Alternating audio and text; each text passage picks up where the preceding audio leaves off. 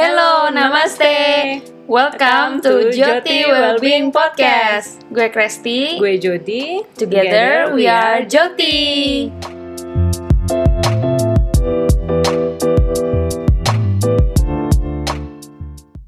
Halo, namaste everyone. Namaste. Di Joti Podcast. Hari ini kita mau ngebahas tentang boundary, lebih tepatnya healthy boundaries. Oh, ini berat melanjutkan nih. sedikit dari uh, beberapa modality mungkin yang pernah kita sebutkan di episode 54 sebelumnya. Um, Tapi Hmm? agak serius lah ya topik kali ini. Jadi kita akan mulainya dari menanyakan ke teman-teman sebetulnya apa sih yang disebut dengan boundary itu. Kalau boundary itu kan kayak basicnya teman-teman mungkin bisa ngebayangnya kayak tembok gitulah ya, tapi yang kasat mata. Tidak kasat Pagar, tembok tinggi banget dong. Oh iya. Iya, iya. Pagar, pagar. Ya pagar gitu, ya nggak kelihatan. Nggak kelihatan. Nah, kalau misalnya kita jadikan itu sebagai healthy boundary, yang dimaksud adalah itu pagarnya bisa dibuka tutup sesuai dengan keinginan kita aja. Pas kita mau kita Ya, buka, betul. pas nggak mau kita tutup. Analoginya gitu aja. Bisa juga pagarnya kita kecilin, terus Ya. bisa juga pagarnya kamu besarin gitu. Betul, betul. Jadi healthy boundaries itu sebenarnya ya selalu berubah dan kita selalu siap menerima perubahan gitu. Hmm. Betul. Dan uh, me- menetapkan healthy boundary ini itu apa sih yang dibutuhkan teman-teman yang kuncinya yang paling utama sih sebetulnya butuh awareness ya terhadap diri sendiri. Jadi apa uh, yang kita inginkan itu kita udah harus tahu dan paham Hmm? situasi apa yang membuat atau hal apa yang membuat kita nggak nyaman lalu kita jadi ke trigger itu juga bisa jadi uh, jadi apa ya latihan boundaries kita, Latihan. latihan, Oh. membuat membuat boundaries kita gitu.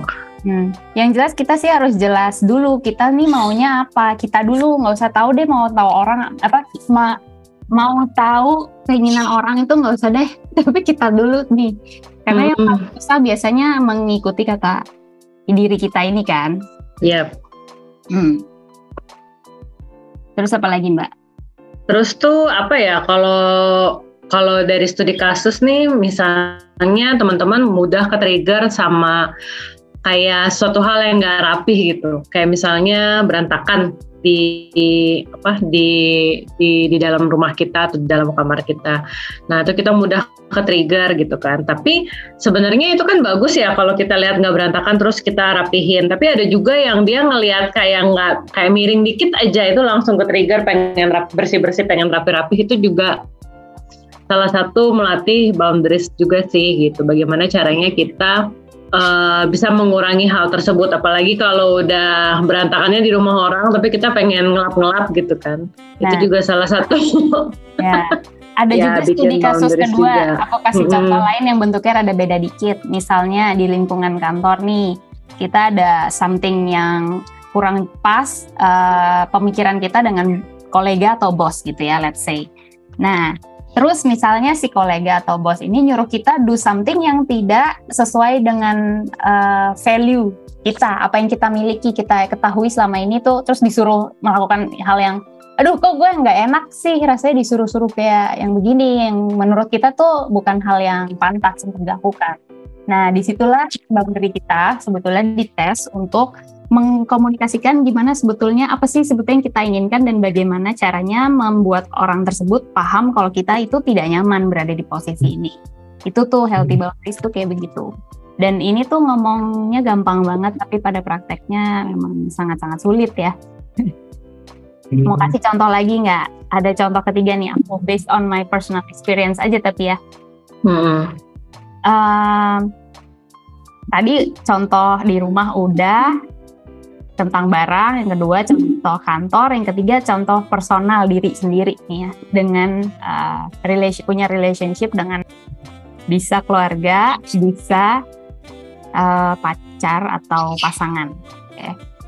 Jadi misalnya eh, misalnya kalau aku aku waktu itu diminta untuk jaga jarak dulu gitu jadinya aku yang harus mundur kan tapi sebetulnya kan kalau aku dari kacamata aku aku mengerti dia butuh boundary dia lagi nutup pagar ya kan kalau aku lagi ngebuka pagarku banyak-banyak gitu. jadi kayak rasanya itu ketika diminta hal seperti itu tuh memang awalnya nggak nyaman gitu kan tapi lama-lama jadi bisa menerima juga sih. Nah, caranya gimana tuh? Tahapan apa yang perlu kita lakukan supaya kita bisa sadar kalau misalnya oh ternyata ini ini ini yang disebut boundary. Mungkin Mbak Jadi bisa bantu jawab. Apa ya? Kalau aku sih aku latihan boundaries itu yang paling aku susah itu sama keluarga ya karena kan uh, aku tumbuh dan aku di aku tumbuh sama mereka gitu kan di, di dalam satu rumah. Tapi ketika aku pernah sekolah di luar, jadi apa aku terbentuk juga lah dari lingkungan luar. Jadi lingkungan rumah udah lama, lingkungan luar juga dapat. Yeah. Ketika pulang lagi balik ke rumah itu kayak oh tiba-tiba kaget ada perbedaan gitu kan. Biasanya teman-teman yang pernah keluar dari rumah, merantau maksudnya ya, kos atau uh, kuliah di luar negeri atau kerja di luar negeri itu biasanya ketika balik ke rumah kita malah jadi bingung gitu kan. Ya betul. Nah kayak gitu dan uh, mungkin di rumah ada peraturannya sendiri gitu kan. Kayak misalkan jam malam lah yang paling sering itu aku hadepin terus hmm. barang atau kunci pintu atau nggak boleh nempatin nggak boleh berantakan istilahnya gitu. Terus kadang-kadang yang paling aku ngerasa di rumah itu kadang kan kita mungkin tinggal bareng sama orang tua ya gitu. Tapi ketika kita udah grown up, kita nggak mau dong kalau pintu kamar main dibuka aja gitu kan. Walaupun kita nggak kunci ya. Jadi harus hmm. ketok dulu gitu. Dan yang paling susah itu sama keluarga. Kebetulan waktu itu karena uh, apa? Aku nggak bisa menyelesaikannya sendiri untuk boundaries tersebut karena udah pernah disampaikan tapi masih patah juga. Jadi aku mengkomunikasikan aku nggak suka dengan ABCD misalnya. Aku nggak suka nih kalau misalkan dilarang-larang begini karena aku udah besar, udah dewasa. Gak mau dilarang gitu. Tapi uh, apa? Gak bisa mengkomunik, aku mengkomunikasikan tapi mereka tetap gak terima gitu dan akhirnya aku mundur lagi lah jadi boundariesku dilangkahin waktu itu aku bilang gitu sampai aku hmm. berkata waktu itu kenapa sih harus boundaries gue yang selalu dilangkahin gitu kan nah udah tuh dari situ ternyata aku nggak bisa menyelesaikannya sendiri. Uh, waktu itu aku banyak juga uh, praktis praktis self healing gitu dan itu dibantu. Ada tapas pressure healing ada meditasi juga sama konseling akhirnya baru setelah tiga hal itu aku lakukan akhirnya aku berani mengkomunikasikan uh, boundariesku tapi waktu itu aku mengkomunikasikannya aku nggak stay di rumah aku bilang aku mau keluar dari rumah aja daripada kita selalu bertengkar dengan hal yang sama. Hmm. Jadi I give you space, uh, you give me space, I give you a space juga gitu. I tell to my parents like that gitu. Ya udah akhirnya kita nggak tinggal bareng, kita tinggal masing-masing. Udah dah dari situ komunikasinya masih kayak dulu, terus masih terapi-terapi, meditasi, pokoknya selalu sadar apa pun emosi yang didapatkan, sadar aja. Ada baru bisa mengkomunikasikan uh, boundariesnya jadi lebih less triggering daripada sebelumnya. Gitu.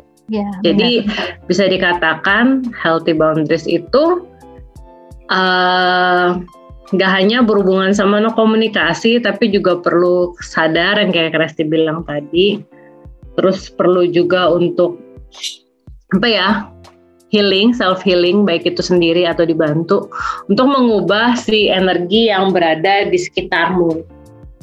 Karena kalau berbicara soal energi kita kan magnet ya magnet dari energi.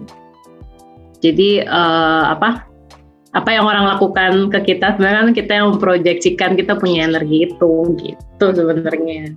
Ya Soalnya kalau ketika boundary kita dilangkahin, si pagar ini dimasukin tamu, tidak diundang, itu tuh rasanya emang gak enak sih. dan baru di situ deh biasanya teman-teman nyadar kayak kok gue gini ya? gitu. Jadi self realizationnya memang harus dilewati dulu ini yang nggak enaknya dulu baru ntar hmm. you can take actions itu macam-macam ya cara-cara untuk me meng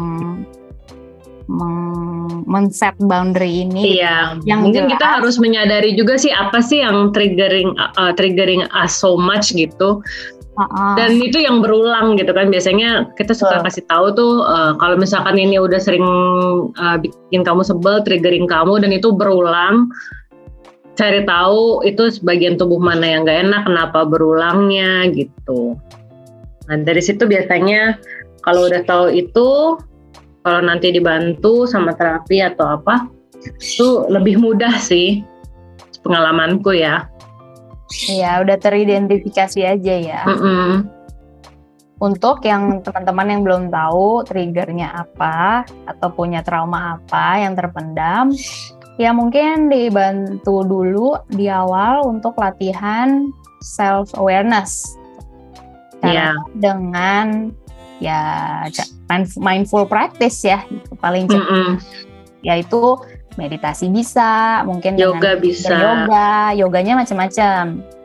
Mm. Mungkin yang lebih slow dulu aja biar biar lebih dapet. Yoganya bukan yang jempalitan. Terus hmm, journaling. Nah, itu tuh tiga yeah. top three itu hal itu sih kalau personally buat aku sangat membantu ya paling cepat. Nanti baru deh kalau teman-teman udah explore, tahu beberapa poin, mungkin bisa lanjut langsung ke modaliti, modalitas yang lain, kayak misalnya Mbak Jody tadi udah bilang TAT, atau apa ya, aku puntur juga bisa kali ya? Aku puntur bisa. Hmm.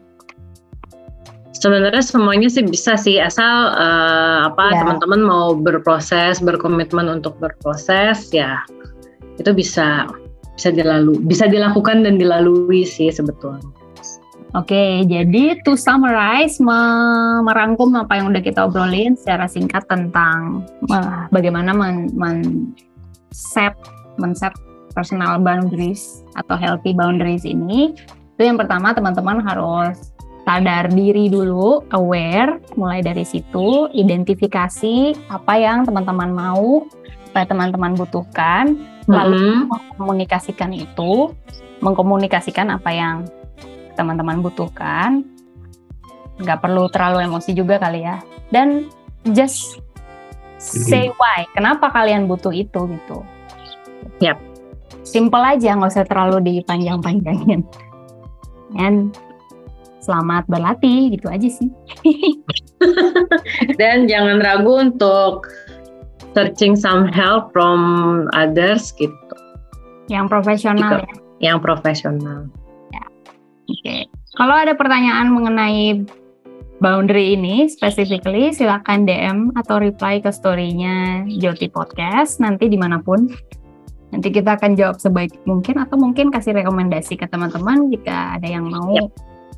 cari that professional help. Oke? Okay? Oke. Okay. See you in the next episode. Thank you so much. Bye bye.